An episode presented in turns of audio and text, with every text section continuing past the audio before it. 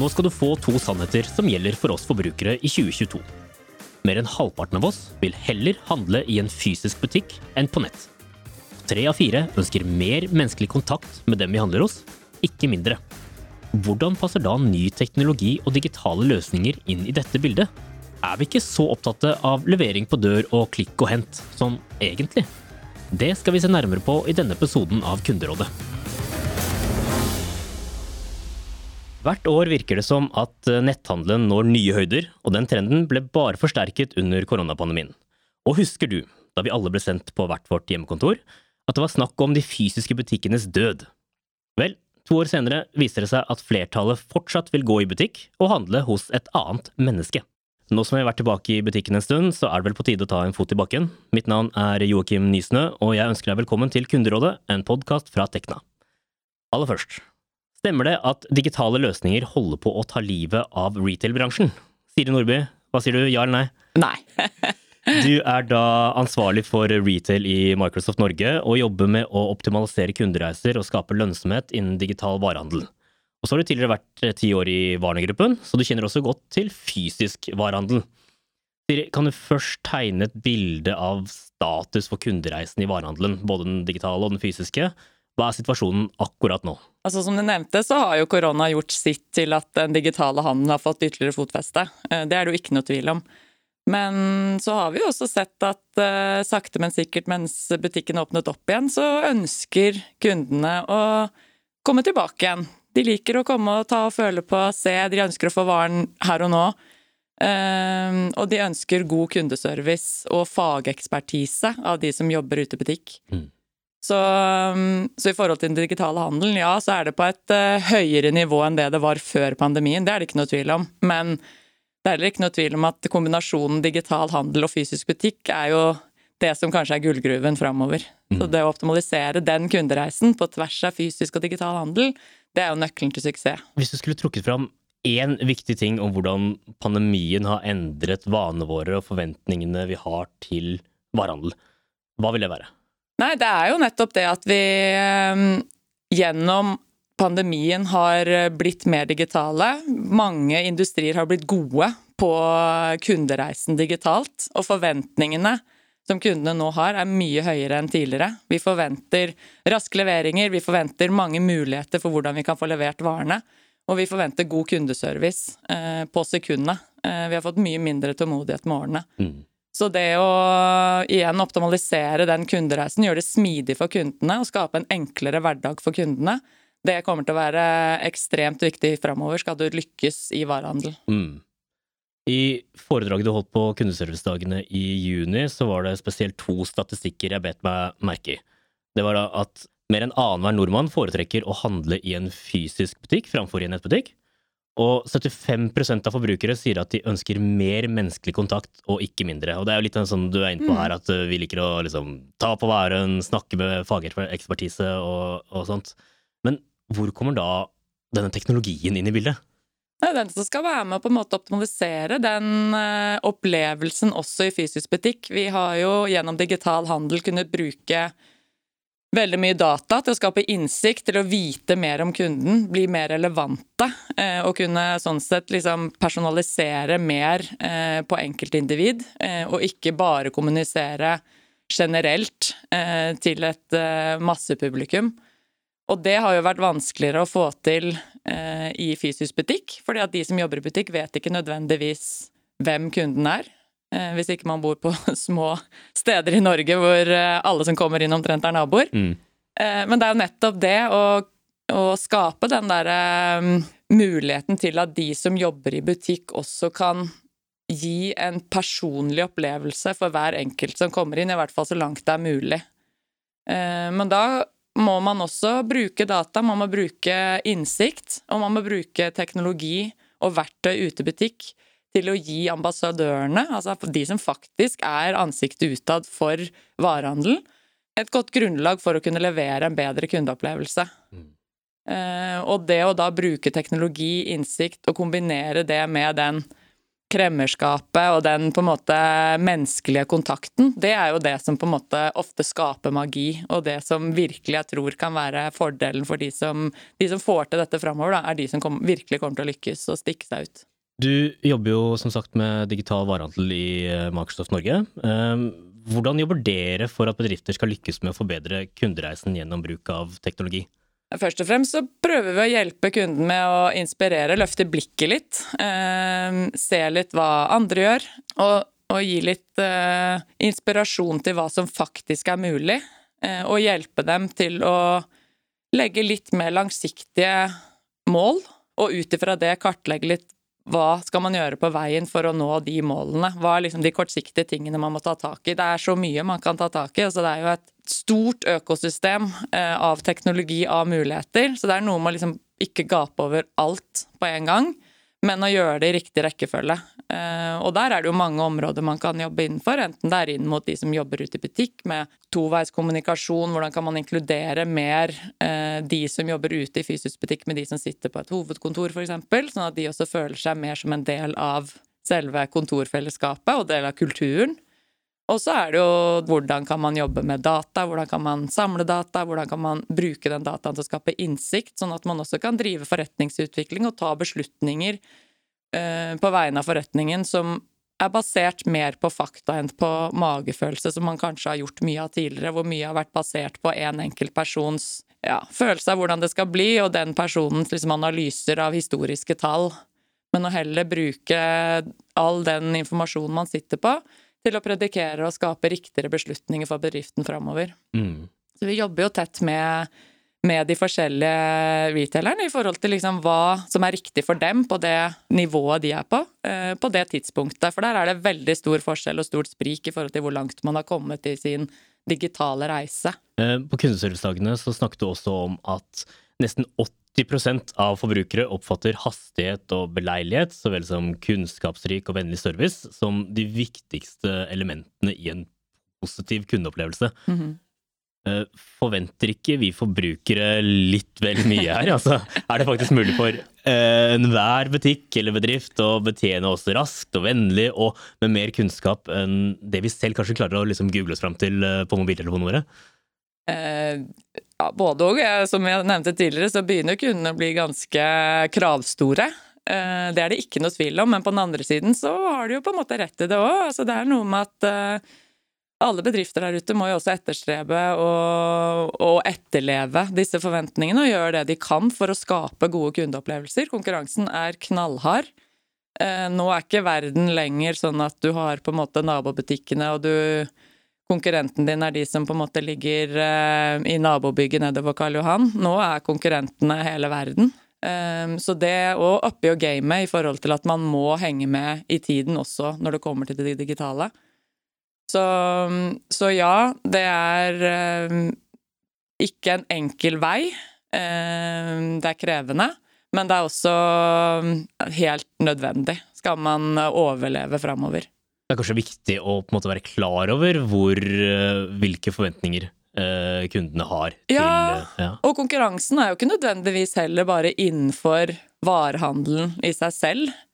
Eh, forventningene bygges jo opp av andre aktører. altså Uber, Airbnb, Fodora, alle disse type bedriftene som har kommet litt sånn inn fra sidelinja, har jo vært med å legge den lista veldig mye høyere når det kommer til dette med hastighet, eh, enkelhet. Det å gjøre det enkelt for kunden å gjennomføre et kjøp, gjennomføre et søk. Eh, så, så, det er jo mange aktører her som er med på heve den lista. Ikke bare varehandelen selv, men eh, bare det at vi blir vant til at livet blir enklere. Og da, når vi da møter motgang og at ting ikke er sømløst, så faller vi av. Da gidder vi ikke. Da ender vi opp med å ikke gå, gjennomføre det kjøpet.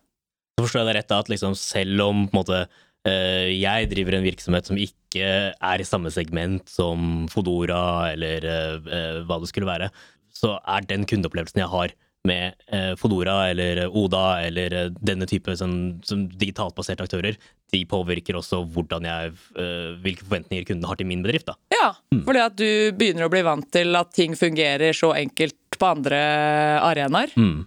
og da stusser man jo litt. Hvorfor kan det ikke være like enkelt eh, når jeg skal kjøpe meg en bukse eller en genser eller dra på butikken og handle? Mm. Så det er noe med at liksom forventningene ja, blir høyere fordi at flere er blitt flinkere på det. Spesielt kanskje de som har vært litt sånn digitale pure players, som vi kaller det. Som kommer inn og ikke har noen legacy-systemer. De begynner fra scratch. Det er enklere å bygge opp et rigg som gjør at den reisen eh, er mer smidig for, eh, for brukerne. Men da må jo igjen også de, hva skal man si, mer sånn historiske varehandelsaktørene må jo også steppe opp og henge med i det gamet. Og så må jo de bruke sin eh, Altså det at de har fysiske butikker til sin fordel. Mm. For det er klart at det er en kjempefordel. Vi ser jo, som vi akkurat snakket om innledningsvis, folk vil fortsatt i fysisk butikk. De vil ha hjelp av fagpersoner. De ønsker å komme og prate med folk. Altså det er jo ingen land i verden som har like mange dagligvarebutikker eh, per innbyggere som det Norge har. Det er ingen som handler så ofte per uke som det nordmenn gjør. De fleste andre er hakket flinkere til å planlegge uka og gjøre storhandel. Det er ikke nordmenn generelt sett sånn kjempeglad i. Så, så vi er vant til å gå ut i fysisk butikk, eh, og vi ser at det ønsker vi fortsatt å gjøre, men da må eh, de forskjellige retailerne også henge med og, og, vise at de greier å kombinere da dette med digital handel og fysisk handel på en god måte. Og da er man plutselig en stor konkurrent til også større bedrifter vi vet kommer inn som Amazon, som er veldig store digitalt, men som ikke har fotfeste fysisk. Så det må man jo bruke til sin fordel. Jeg er litt interessert i hvordan eh, bedrifter kan gjøre det. og med liksom utgangspunkt i dette her med å optimalisere kundereisen, så, så har vi utfordret deg litt på å komme med liksom tre konkrete løsninger eller teknologier eller tilnærminger som de fleste eh, enkelt kan ta i bruk uh, uten at det krever altfor mye. Ja. Det er ikke en enkel, enkel oppgave, det der.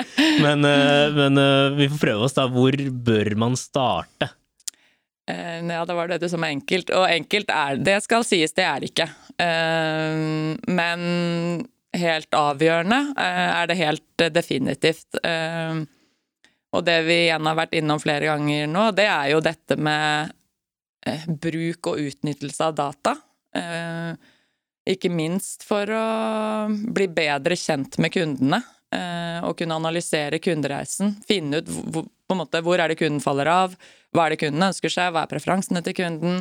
Og bruke den innsikten både til å skape mer relevant kommunikasjon og personalisere mer opplevelsene kunden har, men også til å skape mer forretningsutvikling. Eh, og det å skape en sånn dataplattform eh, er ikke nødvendigvis enkelt. Eh, men jeg tror det er helt nødvendig forover skal man virkelig på en måte overleve i lengden, og at det er en dataplattform i sky som gjør at du på en måte har kapasitet til å kunne gjøre gode analyser Eh, og så er det ikke sånn om å gjøre å ha all mulig data hvis ikke du vet hva den dataen skal brukes til. Her må man ha en plan. Du må ha på en måte en god forståelse for hvilke type data du, du trenger. Eh, det kan være kundedata gjennom lojalitetsprogrammer, det kan være transaksjonsdata som er veldig relevant for, eh, for varehandelen. Gjerne da digitalt og fysisk, og greie å kombinere de. Det er ikke alltid så enkelt. Og tredjepartsdata. Det kan være værdata, eh, som et veldig godt eksempel. Eh, veldig lite hensiktsmessig å sende ut masse informasjon til kunder i Bergen om eh, badeshorts og singletter hvis det er meldt regn i tre uker framover. Da er det kanskje andre ting man heller bør sende til akkurat den delen av eh, befolkningen. Så det å kunne utnytte dataen til en eh, mye større grad i forhold til å skape relevant kommunikasjon ut til kundene. Det er et mylder av altså all form for reklame vi blir bombardert med daglig eh, på alle mulige flater. Så det er ekstremt viktig. Og i, samme, i den sammenheng også så er det veldig viktig å greie å skape en sømløs kundereise, for det hjelper ikke å bare ha data i mange forskjellige siloer og ha handel i forskjellige kanaler dersom dette er helt uh, frittstående og ikke samla informasjon. For da oppleves ikke kundereisen som sømløs. Man som, man som vare eller retailer vet ikke hva kunden har gjort digitalt, man vet ikke hva kunden har gjort fysisk, og da vil man ikke greie å få et total bilde på hva som på en måte er denne kundens preferanser. Og som igjen kan egentlig heller føre til dårlige kundeopplevelser. Mm. Um, så det å skape hva man, altså Du kan kalle det en omnikanal, eller i hvert fall det at all kommunikasjon, all informasjon, all data man har om kundene, er samlet ett sted, og man skaper ett 360-bilde på kunden veldig viktig framover. Det høres jo veldig krevende ut uh, for, ja. for, oss ja. legfolk. på en måte. Altså, hvordan går man fram for å liksom bli gode på eller, altså, altså, kunne klare å utnytte den dataen man sitter på? da? Ja, og det er, altså, For å si det veldig enkelt, uten at det er enkelt, det er jo å bygge det vi kaller en uh, customer data platform. Uh, det er en plattform hvor all dataene blir henta inn, og hvor datapunktene, for de har gjerne litt forskjellig språk, hvis man skal kalle det, altså ett datapunkt og ett datapunkt, de snakker ikke nødvendigvis samme språk. Så man må greie å på en måte omformatere dette, sånn at de kan knyttes sammen og snakke samme språk. Når man greier det, så kan man dra ut hva som helst av innsikt i ettertid. Mm. Men det er liksom på en måte nøkkelen til det å greie å, å skape innsikt på toppen i etterkant. Det er mm. at man greier å samle all denne dataen og få de til å snakke samme språk. Og da må man ha en, det vi kaller i Microsoft en customer data platform. Mm. Så det, det, vil være et råd å enten på en måte uh, se om man har den, den kunnskapen inhouse, eller ja, eventuelt uh, ja eller via en partner ja. eh, som kan hjelpe til med å, å bygge opp dette her mm. for, mm. for hver enkelt retailer. Mm. En annen ting som jeg tenker i hvert fall uh, innenfor en ting er varehandel, men også når vi snakker mye om kundeservice innenfor bank og forsikring, der man har store kundeserviceavdelinger, det er litt det samme. at lenge, Hvis det også på en måte er en separat del av bedriften, så sitter jo ikke de nødvendigvis heller på hele kundebildet. Så det inkluderer også hele den kundeservice-delen inn i eh, totaliteten, som gjør at de også sitter på hele kundeprofilen, hele kundebildet, 360 kundebildet. Det gjør jo at de også kan gi en mye bedre service til kundene. For da vet de alt hva denne kunden har gjort, hva de har kjøpt, hvilken dialog de har hatt med oss tidligere. Og det gjør jo at man eh, kan gi en, yte en bedre service tilbake, fordi at man sitter på all informasjon. Og Der er det jo også mye teknologi i disse dager som gjør at man kan automatisere også mye av disse svarene, mye av det som gjøres, sånn at man også blir mer effektive eh, i måten man bruker menneskelige ressurser. Menneskelige ressurser er den dyreste kostnaden vi har. Veldig mange bedrifter sliter med bunnlinja, som gjør at man må kutte kostnader. Og det er jo et av de første stedene man ser. Hvordan kan vi bruke, på en måte utnytte de menneskelige ressursene enda bedre? Og da er det jo liksom knipe tid her og der. Hva kan automatiseres? Hva er enkle svar som vi bare kan pushe ut til kundene, så de egentlig ikke trenger å snakke med et menneske for å få et godt nok svar? Og hva er situasjoner der vi føler at ok, her er det en person som virkelig trenger å snakke med noen? Mm. Og det kan systemer eh, den dag i dag hjelpe deg med å på en måte optimalisere. Mm.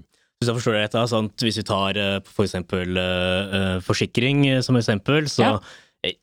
Når jeg har vært liksom på besøk hos kundesenter, og sånn, så vet jeg at, det, at, at um, uh, tidligere så har det vært sånn at liksom uh, noe informasjon om uh, kunden ligger i ett system, og så ligger annen informasjon om, om kunden i et annet ja. system. Og så er kundeservicebehandleren nødt til å på en måte switche mellom ja, de systemene. Sitter gjerne med liksom fem, seks, syv mm, forskjellige mm. bilder, altså forskjellige bilder oppe. Ja.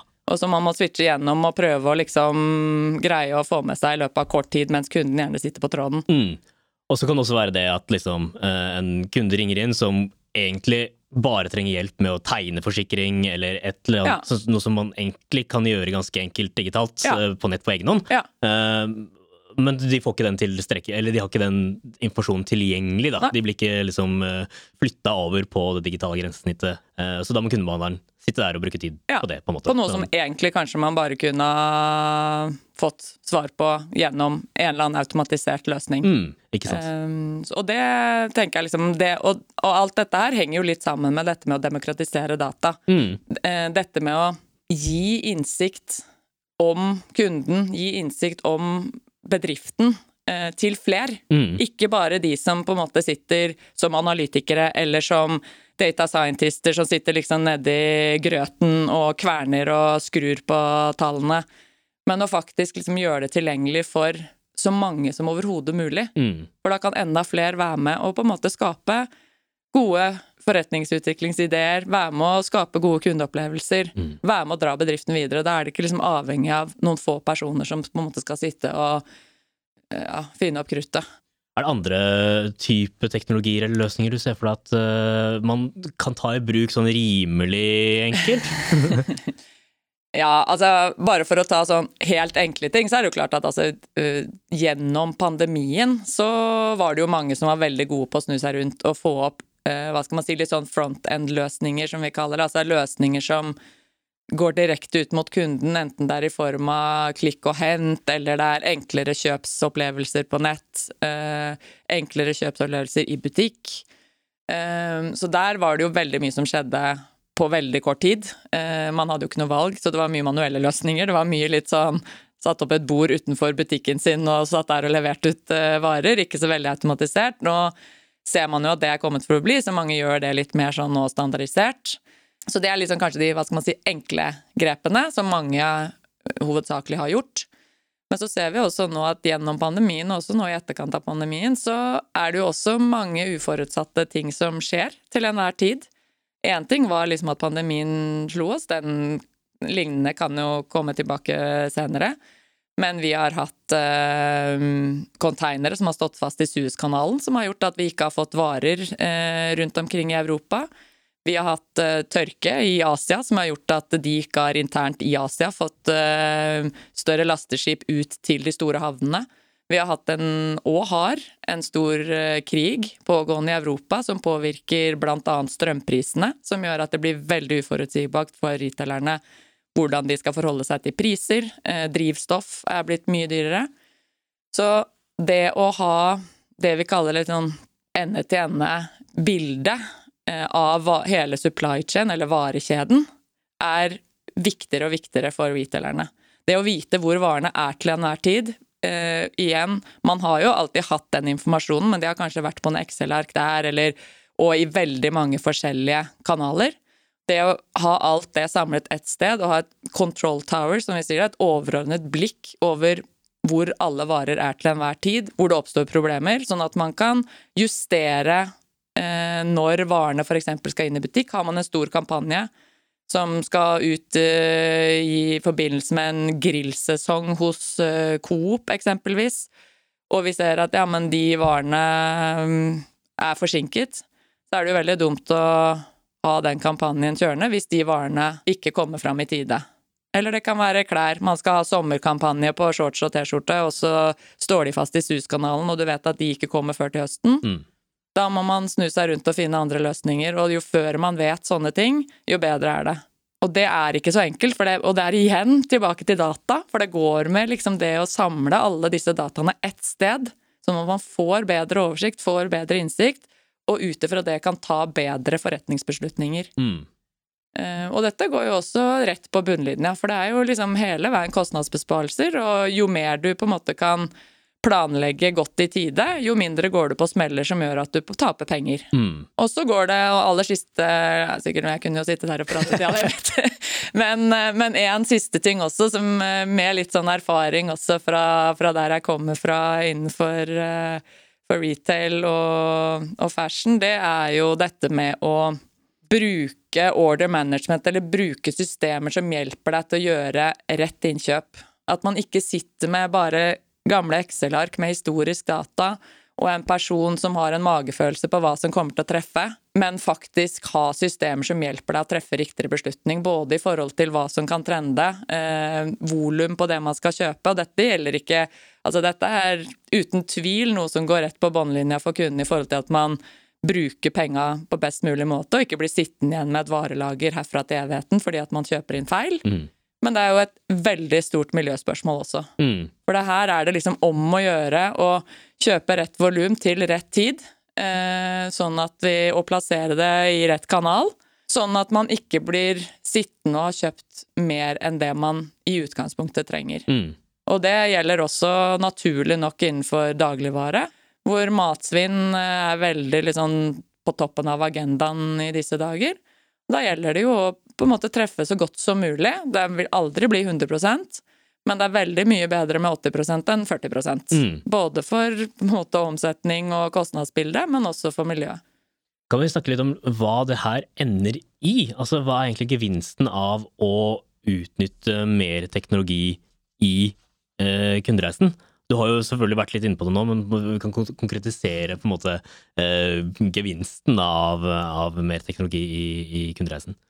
Ja, eh, gevinsten av mer teknologi i kundereisen er, eh, vil jeg si, er eh, ikke minst eh, kostnadsbesparende i lengden. Fordi at med, med bedre innsikt så tar man bedre beslutninger. Mm. Og det med å optimalisere og effektivisere arbeidsstyrken. Jo flere som har innsikten, jo bedre verktøy og jo mer eh, man kan bruke den innsikten ut mot kundene og for de som på en måte jobber i siste ledd ut mot kundene, jo mer får man igjen for de, man, altså for de ressursene. Og det er som jeg nevnte tidligere, det er en dyr ressurs. Så hvis man kan, alt man kan både optimalisere i forhold til at de får solgt mer, og effektivisere i forhold til at de jobber smartere, hvert minutt der er penger i kassa. Og så er det noe med, tror jeg også, liksom den Igjen det menneskelige aspektet. At teknologi er med på å sikre at kulturen i en bedrift når helt ut til de som også jobber ute i en fysisk butikk. Nå når vi snakker litt sånn uh, hovedsakelig liksom at den fysiske butikken også er viktig, og der i Norge så er det jo klart at uh, mye av vår arbeidsstyrke i Norge, de jobber innenfor varehandel. Eh, og de jobber hovedsakelig i fysiske butikker, eh, og ikke på et hovedkontor med digitalt salg. Mm. Så det å sikre at man har en god toveiskommunikasjon, at alle på en måte som jobber i de bedriftene får den informasjonen de trenger, at ikke det bare kommer til en butikksjef som sitter med en gammel PC innerst på et lite kontor nederst i et eh, lager, Mm. men at det når ut til alle og enhver. At man føler at man er en del av bedriften, og ikke bare en del av en butikk. Mm. Det tror jeg er utrolig viktig framover. Og jeg tror også de som jobber ute i butikk, forventer at ting skal være enklere, mer tilrettelagt, og at de ønsker selv å bruke teknologi i hverdagen. Og at det kommer til å være et krav for at man skal bli. Og det er eh, et tøft arbeidsmarked der ute for eh, retailerne i forhold til å holde på de ansatte. Mm. Eh, Det er høy turnover, så det koster dem mye å skulle hele tiden onboarde og få nye ansatte ut i arbeid. Så det lønner seg for dem å holde så lenge som mulig på de som allerede er der. Mm. Og da må de også um, legge til rette for enda bedre kommunikasjon og enda bedre involvering av de som også jobber helt ute liksom i det aller siste leddet. Du har jo vært inne på dette her med at mange nok opplever et sånt marginjag med økte priser for strøm og transport, utilgjengelighet av varer osv. Å ta i bruk ny teknologi kan medføre en del hindringer knyttet til f.eks. økonomi, kompetanse, avhengighet av eksisterende tjenester og plattformer, som jeg snakket om. Mm. Har du noen liksom, avsluttende råd til de som ønsker å få til endring, men som kanskje kjenner at det vil være litt for krevende å implementere? Ja, mitt største råd da er å snakke med noen som er eksperter på det.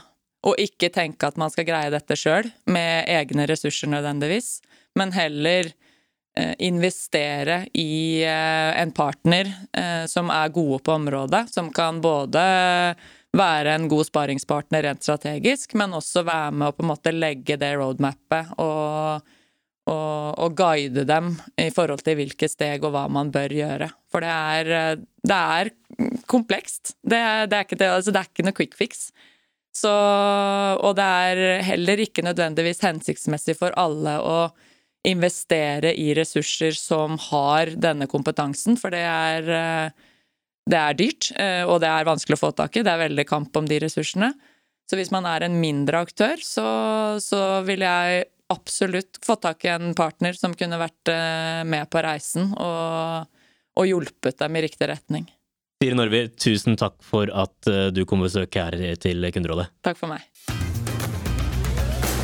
En stor takk også til deg som lytter til Kunderådet. Vi jobber med å skru sammen flere episoder, så abonner og følg med i podkastfeeden din i tiden som kommer. Kunderådet er en Tekna-podkast laget i samarbeid med Newslab. Vi som står bak, er Kristin Haug, Fredrik Langseth, Torgeir Gjende Mortensen og meg, Joakim Nysnø.